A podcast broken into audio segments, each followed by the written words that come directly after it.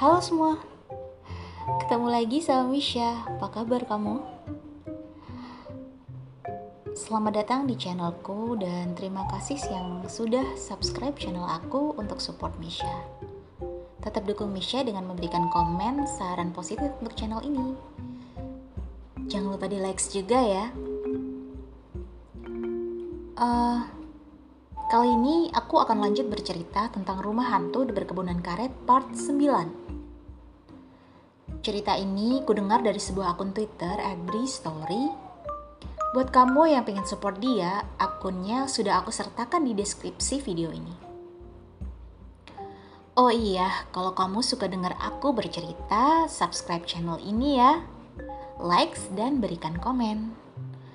Atau kamu juga bisa follow aku di Spotify, nama akunku begini ceritanya.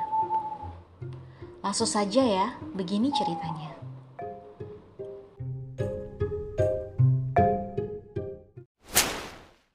Kita lanjut petualangan Om He, petualangan Om Harry dan Wahyu di perkebunan karet. Kembali ke konsep awal, gue akan menuliskan cerita dalam bentuk yang sama persis dengan saat Om Harry menceritakan kejadiannya. Ingat, jangan mendengarkan sendirian. Sosok-sosok hitam tinggi besar itu terus saja menatap ke arah Om. Tatapan yang sangat mengerikan. Wajah hitam legam dengan bola mata yang hanya terlihat putihnya saja. Om berdiri diam tanpa bisa menggerakkan badan. Mulut tertutup, tak bisa mengeluarkan sepatah kata pun. Di situ, di ruang tengah rumah itu, Om terjebak di dalam situasi yang membuat Om sangat ketakutan, Bri. Badan Om sudah gemetar hebat ketika mereka mulai berdiri dari duduknya dan perlahan berjalan mendekat. Keadaan ruang tengah yang temaram dan nyaris gelap, tetapi Om masih dapat melihat cukup jelas bentuk dan paras dari sosok-sosok itu. Tinggi mereka sekitar 2 meter, mengenakan pakaian seperti jubah panjang berwarna hitam. Wajahnya hitam legam. Mereka terus berjalan mendekat sementara Om sudah terpojok, berdiri bersandar pada dinding di sudut ruangan. Sudah tinggal setengah meter kami berjarak, sangat dekat. Di puncak ketakutan, Om sudah menundukkan kepala dan menutupkan wajah dengan kedua telapak tangan. Nafas Om mulai sesak, berangsur semakin sulit untuk bernafas. Badan seperti ada yang menghimpit, Bri. Berat rasanya. Dalam situasi seperti itu, Om terus membaca doa tanpa putus di dalam hati. Berharap semoga kejadian ini cepat berakhir. Dan Tiba-tiba Om terbangun dari tidur, terbangun terduduk di atas kasur dengan sekujur tubuh yang basah berkeringat dan nafas yang sudah tersengal-sengal.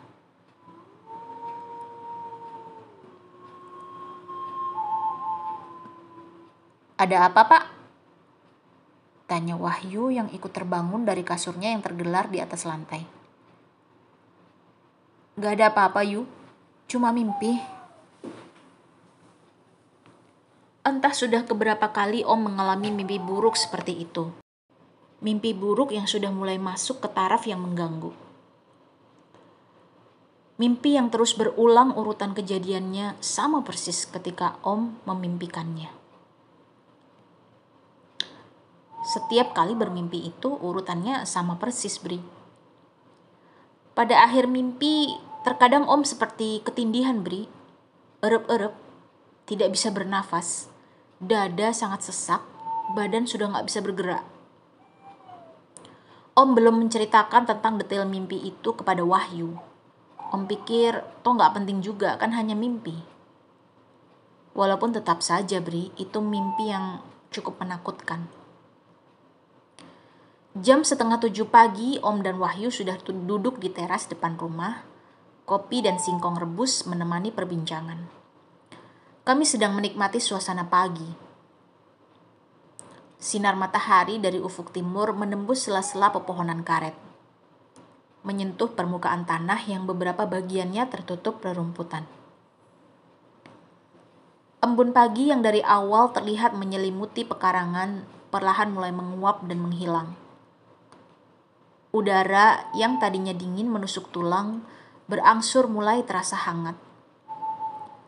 Burung-burung hutan yang hinggap di pohon mengeluarkan suara riangnya, sementara yang lain ada yang berterbangan ke sana kemari. Itulah gambaran suasana pagi yang kami nikmati setiap hari di perkebunan ini. Indah, asri, dan menyenangkan. Sebenarnya sangat jauh dari kesan menyeramkan. Mau tambah kopinya lagi, Pak? Gak usah, Yu, cukup. Sebentar lagi para pekerja kan sudah pada datang. Iya, jam sudah menunjukkan pukul setengah delapan ketika Wahyu menawarkan kopi untuk gelas kedua. Sebenarnya kami masih ingin berbincang seru dan menikmati suasana pagi. Tapi sebentar lagi para pekerja penyadap karet akan berdatangan. Dan kami harus mulai bekerja. Dan benar saja, gak lama kemudian dari kejauhan sudah terlihat para pekerja datang berbondong-bondong. Pak Heri, Usman hari ini izin pak untuk tidak bekerja, Pak Adi, salah satu pekerja kami yang sudah cukup berumur, berbicara kepada Om ketika kami semua berkumpul di depan rumah dan sedang bersiap-siap. Loh, kenapa Pak? Ada apa dengan Usman? Tanya Om kemudian. Ayahnya meninggal semalam Pak, memang sudah sakit berkepanjangan. Innalillahi. Usman adalah salah satu pekerja yang masih tergolong muda, 18 tahun usianya. Dia termasuk anak yang sangat rajin, selalu menurut dan patuh. Gak pernah mengeluh dan selalu menyelesaikan pekerjaannya dengan baik dan cepat. Pembawaannya juga ramah, menyenangkan, suka bercanda. Om dan Wahyu cukup akrab dengannya. Makanya kami cukup kaget ketika mengetahui kalau Usman gak masuk kerja. Tapi ketika sudah mendengar alasannya, kami bisa mengerti. Oleh karena itulah akhirnya Om dan Wahyu berniat untuk datang melayat ke rumah orang tua Usman setelah selesai bekerja nanti sore. Wahyu setuju, ditemani oleh beberapa pekerja nantinya, kami akan pergi ke rumah Usman yang letaknya di kampung hulu sungai. Sekitar dua jam perjalanan dengan berjalan kaki. Kenapa nggak menggunakan motor saja mungkin pertanyaanmu Bri? Karena menurut Pak Adi, beberapa wilayah sedang tidak dapat dilalui oleh motor akibat hujan deras yang selalu turun. Ya sudahlah, karena memang sudah niat, kami memutuskan tetap akan pergi. Gak seperti hari-hari sebelumnya, Om memutuskan untuk menyelesaikan pekerjaan lebih awal. Ya karena itu tadi, kami berniat untuk melayat ke rumah orang tua Usman. Jadi pada jam 4 sore, kami sudah mulai berkumpul lagi di depan rumah, beristirahat sambil membereskan peralatan. Nanti kita berjalan kaki melewati sungai belakang saja, Pak. Dapat memotong jalan jadi lebih pendek. Nantinya nggak sampai dua jam kita sudah sampai di tujuan. Begitu Pak Adi menjelaskan pada Om dan Wahyu. Om dan Wahyu sih oke-oke saja karena Pak Adi pasti lebih tahu lokasi daripada kami berdua.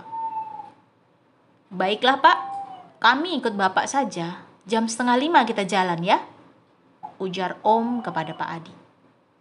Beberapa rekan pekerja memang ada yang tinggal satu kampung dengan rumah orang tua Usman, jadi mereka sekalian pulang. Tapi tidak dengan Pak Adi, beliau tinggal beda kampung, tapi nggak terlalu jauh letaknya. Jadi ada kemungkinan kalau nantinya Om dan Wahyu akan pulang dari rumah Usman hanya berdua saja, tidak ada yang menemani. Makanya Wahyu sempat bilang kalau nanti kami nggak usah sampai larut malam, paling lama selepas Isya, kami sudah harus berada dalam perjalanan pulang.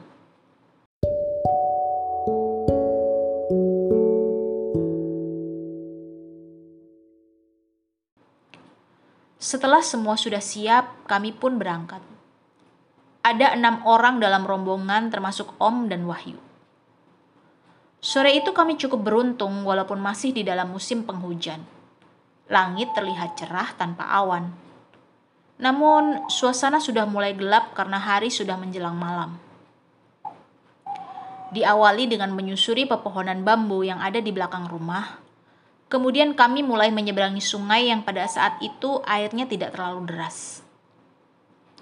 Air sungai yang dingin membasahi kaki kami sampai sebatas lutut. Lepas dari sungai, kami mulai masuk ke dalam hutan dengan berjalan menyusuri jalan setapak yang membelah pepohonan rindang. Kanan kiri hanya terlihat pohon-pohon yang berdiri cukup rapat dan menjulang tinggi. Di permukaan tanah banyak terlihat semak belukar menutupi sela-sela pepohonan. Suara dedaunan kering terdengar bergesekan dengan langkah-langkah kaki kami yang terus berjalan di dalam suasana hutan yang semakin gelap tapi kami tetap saja berbincang cukup seru selama perjalanan. Pak Adi dan rekan lainnya terlihat sudah sangat terbiasa melewati jalan ini.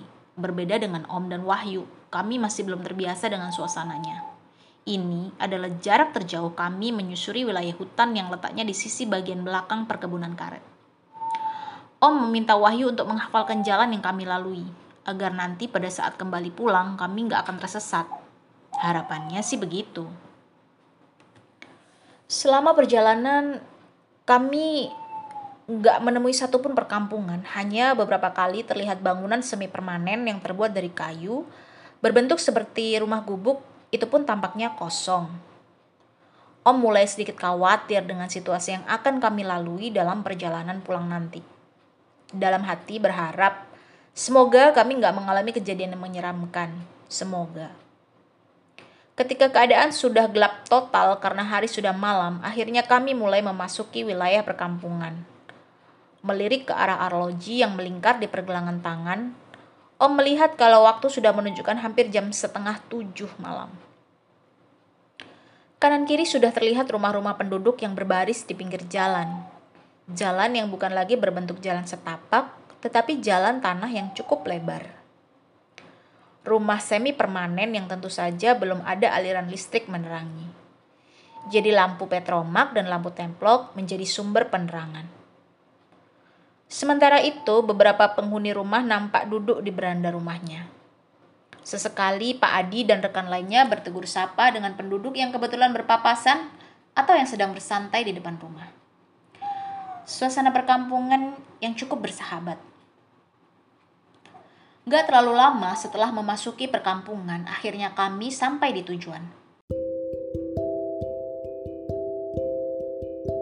Alhamdulillah, kami masuk ke halaman pada salah satu rumah tanpa, baga, tanpa pagar yang ada bendera kuning kecil di depannya. Rumah sederhana yang tidak terlalu besar, dindingnya sudah berbentuk tembok walau tidak terlalu kokoh. Di beranda terlihat sudah banyak orang yang lantas langsung berdiri dari duduknya untuk menyambut kedatangan kami. Assalamualaikum. Suara lantang Pak Adi memecah keheningan malam itu. Waalaikumsalam. Jawab dari orang-orang di beranda rumah tak kalah lantangnya. Wah, Pak Heri dan Bang Wahyu repot-repot datang segala. Senyum merekah di wajah Usman ketika melihat kedatangan Om dan Wahyu. Terlihat tetap tegar, Usman mempersilahkan kami duduk. Di dalam rumah sudah ada beberapa orang yang duduk bersila di atas tikar mengelilingi hidangan kue sederhana dan gelas-gelas minuman yang berisi air putih. Setelahnya kami langsung meminta izin untuk melaksanakan sholat maghrib terlebih dahulu. Usman mempersilahkan dengan menunjukkan tempat berwudu. Selesai sholat kami langsung ikut bergabung berkumpul di ruang tengah. Isi rumah yang sangat sederhana, lemari kayu besar memisahkan ruang tengah dengan ruang makan di belakangnya. Ada tiga kamar yang cukup besar di sebelah kanan ruang tengah. Sementara kamar yang satu lagi berada di belakang bersebelahan dengan dapur dan kamar mandi. Beberapa bingkai foto hitam putih menempel pada dinding ruangan. Dari situ Om dapat melihat kalau Usman memiliki keluarga yang cukup banyak anggotanya. Menurut cerita Usman, dia adalah anak kedelapan dari sembilan bersaudara adik perempuan satu-satunya, masih bersekolah, sementara kakak-kakak Usman sebagian besar sudah tinggal memisahkan diri. Almarhum ayah Usman bekerja sebagai petani. Mereka memiliki sebidang sawah garapan yang letaknya tidak jauh dari tempat mereka tinggal. Almarhum sudah kami kuburkan siang tadi, Pak. Kalau Pak Heri tadi jalan ke sini melalui jalan pintas lewat hutan, Pak Heri pasti melewati pemakaman umum tempat ayah saya dimakamkan sekitar 30 menit berjalan kaki dari sini. Oh, jadi ternyata tadi sempat melewati pemakaman umum. Tapi tentu saja kami tidak menyadarinya karena memang hari sudah gelap. Seperti Usman, keluarga dan para tetangganya juga sangat ramah. Walaupun masih dalam suasana berduka, beberapa orang mengajak kami berbincang mengenai hal apa pun. Rencananya selepas Isya nanti akan diadakan pengajian. Usman bersikeras mengajak Om dan Wahyu untuk mengikutinya. Dengan sedikit terpaksa kami menyanggupi. Ia sedikit terpaksa karena rencananya paling malam Om dan Wahyu akan pulang selepas Isya. Sebisa mungkin jangan terlalu malam mengingat jalur pulang yang sungguh cukup menyeramkan. Singkat cerita, acara pengajian selesai kami lanjutkan dengan kembali berbincang, kali ini di beranda rumah. Langit terlihat cerah, bulan bersinar dengan terangnya, membuat suasana malam menjadi tidak terlalu gelap. Satu persatu rekan pekerja perkebunan yang ikut bersama kami berpamitan pulang. Jam sudah menunjukkan pukul setengah sembilan lewat sedikit ketika hanya tinggal Om, Wahyu, Usman, Pak Adi, dan beberapa anggota keluarga yang lain yang berada di depan rumah. Sudah jam setengah sembilan, kami pamit pulang ya, Man, ucap Om. Loh, nggak menginap di sini saja, Pak. Besok pagi kita bareng jalan ke perkebunan. Usman mengajak kami bermalam di rumahnya. Tawaran yang sempat membuat Om dan Wahyu mempertimbangkan tentang hal itu. Tapi melihat suasana malam yang tidak terlalu gelap dengan langit cerah dan sinar bulan, akhirnya kami memutuskan untuk tetap pulang. Kami pulang saja, Man. Malam ini nggak terlalu gelap kok. Lagi pula, kamu belum perlu bekerja besok. Jangan memaksa untuk ke perkebunan. Ambillah libur barang satu atau dua hari lagi, ucap Om kepada Usman. Tapi, Pak Heri dan Wahyu masih ingat jalan pulang kan? Kalau ada apa-apa, jangan ragu untuk kembali ke sini ya Pak, jawab Usman kemudian. Om dan Wahyu mengangguk mengiyakan. Akhirnya, dengan berat hati, Usman mempersilahkan kami untuk pulang. Om Wahyu dan Pak Adi kemudian melangkahkan kaki meninggalkan rumahnya. Sebelumnya, Usman meminjamkan sebuah obor minyak tanah untuk membantu penerangan dalam perjalanan pulang. Wahyu yang membawa obor, sementara Om memegang lampu senter yang sudah kami bawa sejak berangkat tadi. Pak Adi ikut bersama kami, tapi dia bilang nantinya kami akan pisah jalan di ujung kampung. Selebihnya, Om dan Wahyu akan melanjutkan perjalanan pulang sendirian menembus hutan. Semoga ini akan menjadi sebuah keputusan yang tidak akan kami sesali. Sekitar 15 menit perjalanan kami sampai juga di ujung kampung. Saya ke kiri mengikuti jalan ini ya pak. Pak Heri dan Wahyu silakan ambil jalan lurus ini saja terus sampai menemui jalan masuk ke hutan tadi. Gak takut kan pak? Tenang saja, malam ini nggak terlalu gelap. Panjang lebar, Pak Ali berpamitan sambil tersenyum. Iya pak, sampai bertemu besok ya pak, kata Wahyu. Akhirnya kami berpisah jalan, sementara Pak Adi berbelok ke arah kiri menuju rumahnya. Kami terus berjalan lurus menuju rumah kami di tengah perkebunan karet. Jalan mulai mengecil ketika Om dan Wahyu mulai meninggalkan perkampungan jalan setapak yang saat berangkat tadi kami lalui. Dibantu dengan obor di tangan Wahyu dan lampu senter di tangan Om, kami pun mulai memasuki wilayah hutan.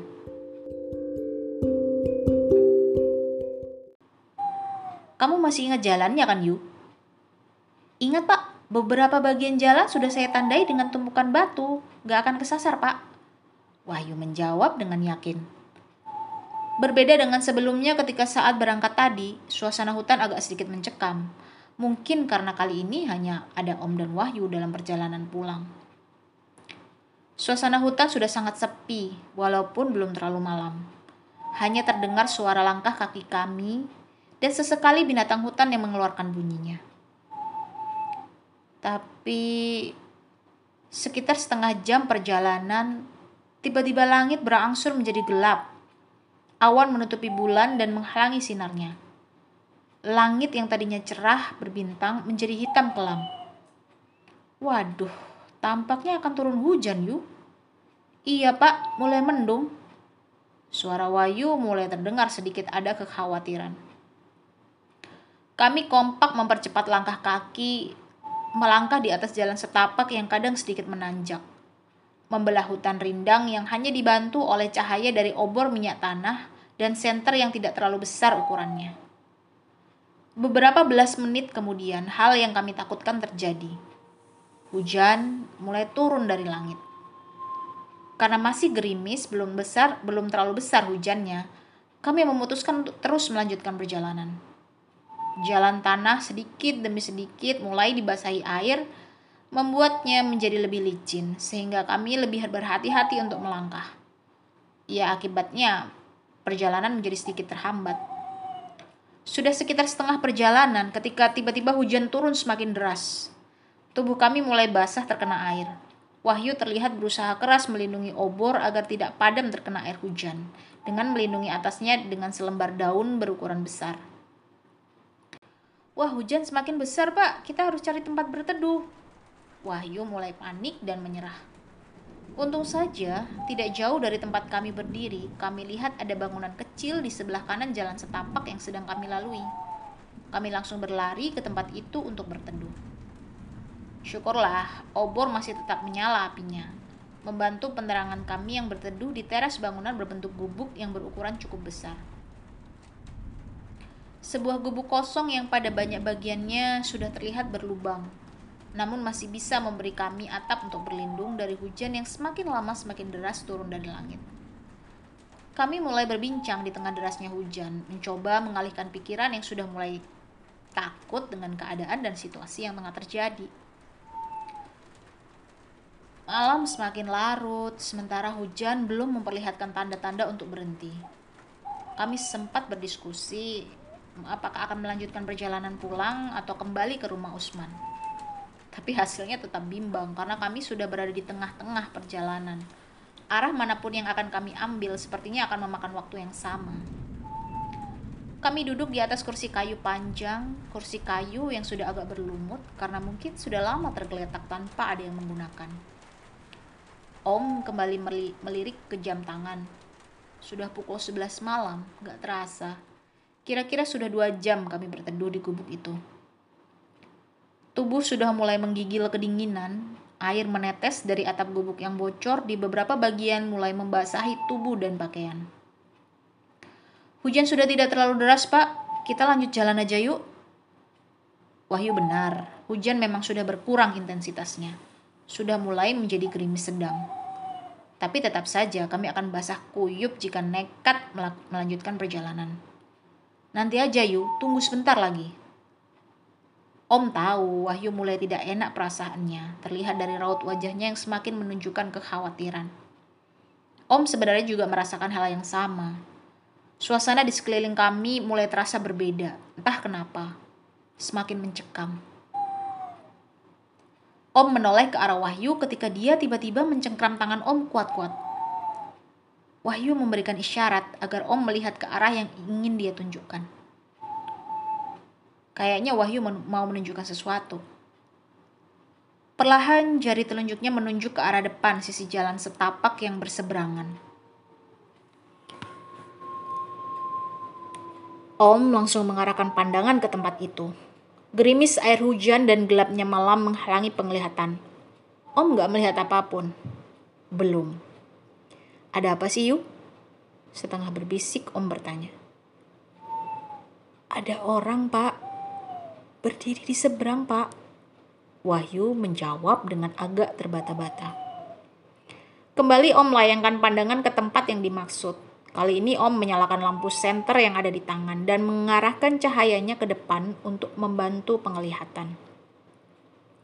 Cahaya lampu senter mampu menembus gerimis hujan yang masih saja turun, memperjelas pandangan untuk melihat pemandangan di depan.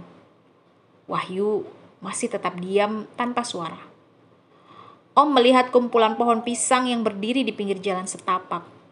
Beberapa daunnya bergoyang tertimpa angin hujan. Om menyisir pohon-pohon pisang itu dengan cahaya lampu senter. Belum terlihat apa pun juga. Terus ke sebelah kiri, Pak. Ucap Wahyu dengan suara yang bergetar. Om ikuti arahannya menyisir pepohonan pisang dengan lampu senter. cahaya lampu berhenti pada satu tempat. Tempat yang sangat gelap. Cahaya lampu senter pun menangkap sesuatu. Ada sosok yang tengah berdiri di antara pohon pisang.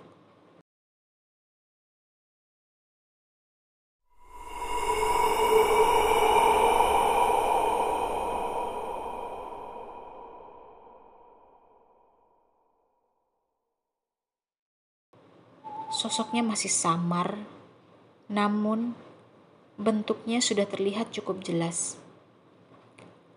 Sosok itu sepertinya sosok laki-laki yang berdiri tegak dengan posisi kaki agak lebar. Kedua tangannya seperti tengah berpegangan di belakang tubuhnya. Jarak antara kami dan dia hanya sekitar 30 meter. Om menahan nafas mulai ketakutan ketika akhirnya menyadari kalau ada yang aneh dengan sosok itu. Keanehan yang menyebabkan Wahyu sudah sangat ketakutan dari awal tadi. Sosok itu ternyata berdiri tanpa kepala. Kami terdiam, membisu, tidak berani bergerak atau berkata apa pun. Kami ketakutan menebak-nebak apa yang akan terjadi kemudian. Om langsung mematikan lampu senter yang ada di genggaman. Kemudian penerangan hanya bersumber dari cahaya obor yang Wahyu pegang. Dalam kegelapan, siluet sosok tanpa kepala itu masih saja terlihat walaupun samar. Wahyu pun menundukkan kepala, tidak berani melayangkan pandangan ke depan Om juga begitu, Bri. Melayangkan pandangan ke tempat lain. Cukup lama sosok itu berdiri dalam kegelapan menghadap kami. Sampai pada akhirnya hujan berangsur reda. Hanya gerimis kecil yang turun dari langit.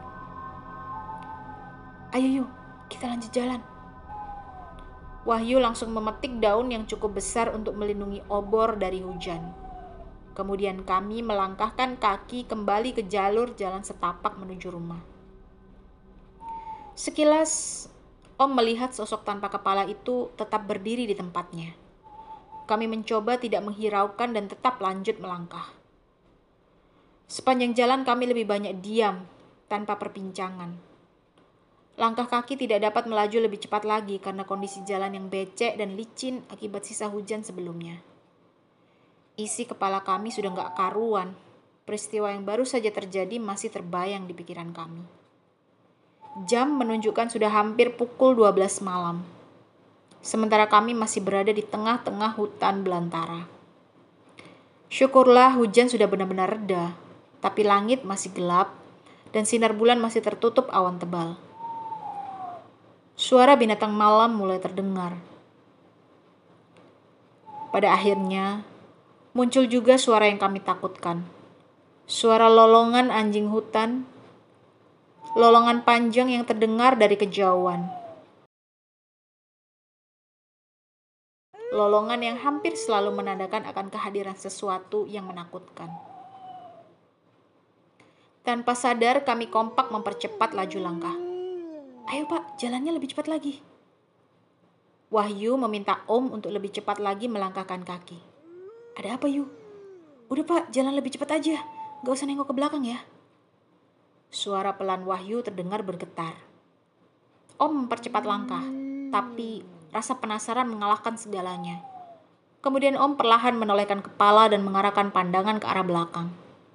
Dengan bantuan cahaya lampu senter, Om dapat melihat apa yang menyebabkan Wahyu menjadi sangat ketakutan. Terlihat ada sosok tanpa kepala yang kami lihat di gubuk tadi Sosok itu berjalan dengan langkah gontai mengikuti kami dari belakang.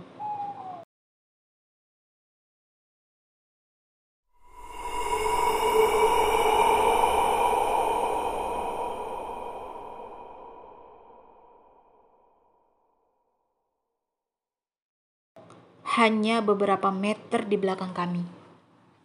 Ayo cepet yuk. Kemudian kami berjalan seperti sedang dalam perlombaan. memaksa langkah untuk bergerak menjauhi sosok tanpa kepala yang mengikuti dari belakang kami. Kami ketakutan, sangat ketakutan.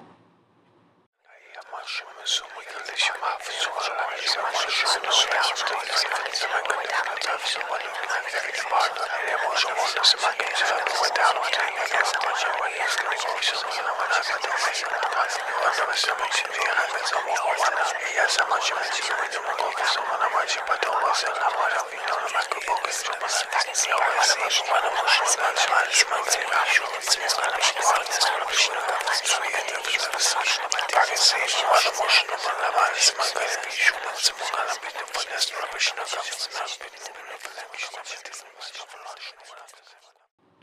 Dor.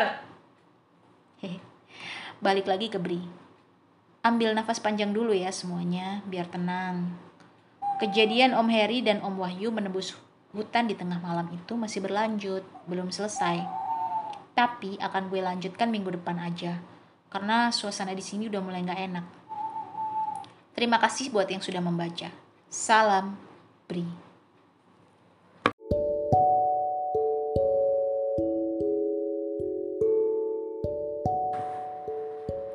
Hai, dengan Misha lagi. Gimana teman-teman? Pernah nggak kalian membayangkan di tengah malam buta kalian berjalan di tengah-tengah hutan, kemudian harus berteduh di gubuk kosong yang gak terawat, dan tiba-tiba di seberang kalian ada sesosok tubuh tanpa kepala yang diam begitu saja menghadap kalian. Lalu kalian harus lari dengan jalan yang licin tanpa tahu seberapa lama kalian akan segera sampai di rumah kalian. Dan ingat, rumah yang sedang dituju adalah juga rumah yang berhantu. Di mana kita pasti udah tahu ya, sosok pocong yang selalu menunggu di dalam rumah itu. Dengan suara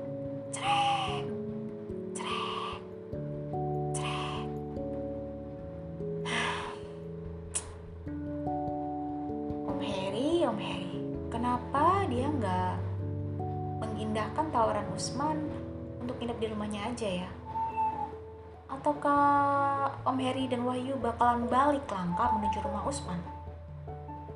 Ataukah mereka akan sampai di rumah atau malah kesasar muter-muter di tengah hutan sambil dikejar sosok tanpa kepala yang berjalan pelan tapi nggak pernah hilang dari belakang mereka? Kita akan ikuti petualangan Om Heri dan Om Wahyu di episode 10 nanti. Nah, biar aku lebih semangat berceritanya, teman-teman bantu ya subscribe channelku ini. Dan juga jangan lupa like video ini dan berikan saran positif biar aku bisa lebih baik lagi di setiap episodenya. Terima kasih ya buat yang sudah subscribe, uh, teman-teman baruku. Kalian juga bisa follow aku di Instagram biar aku bisa lebih mengenal kalian di @beginiceritanya.id. Oke, salam dari Misha. Bye bye.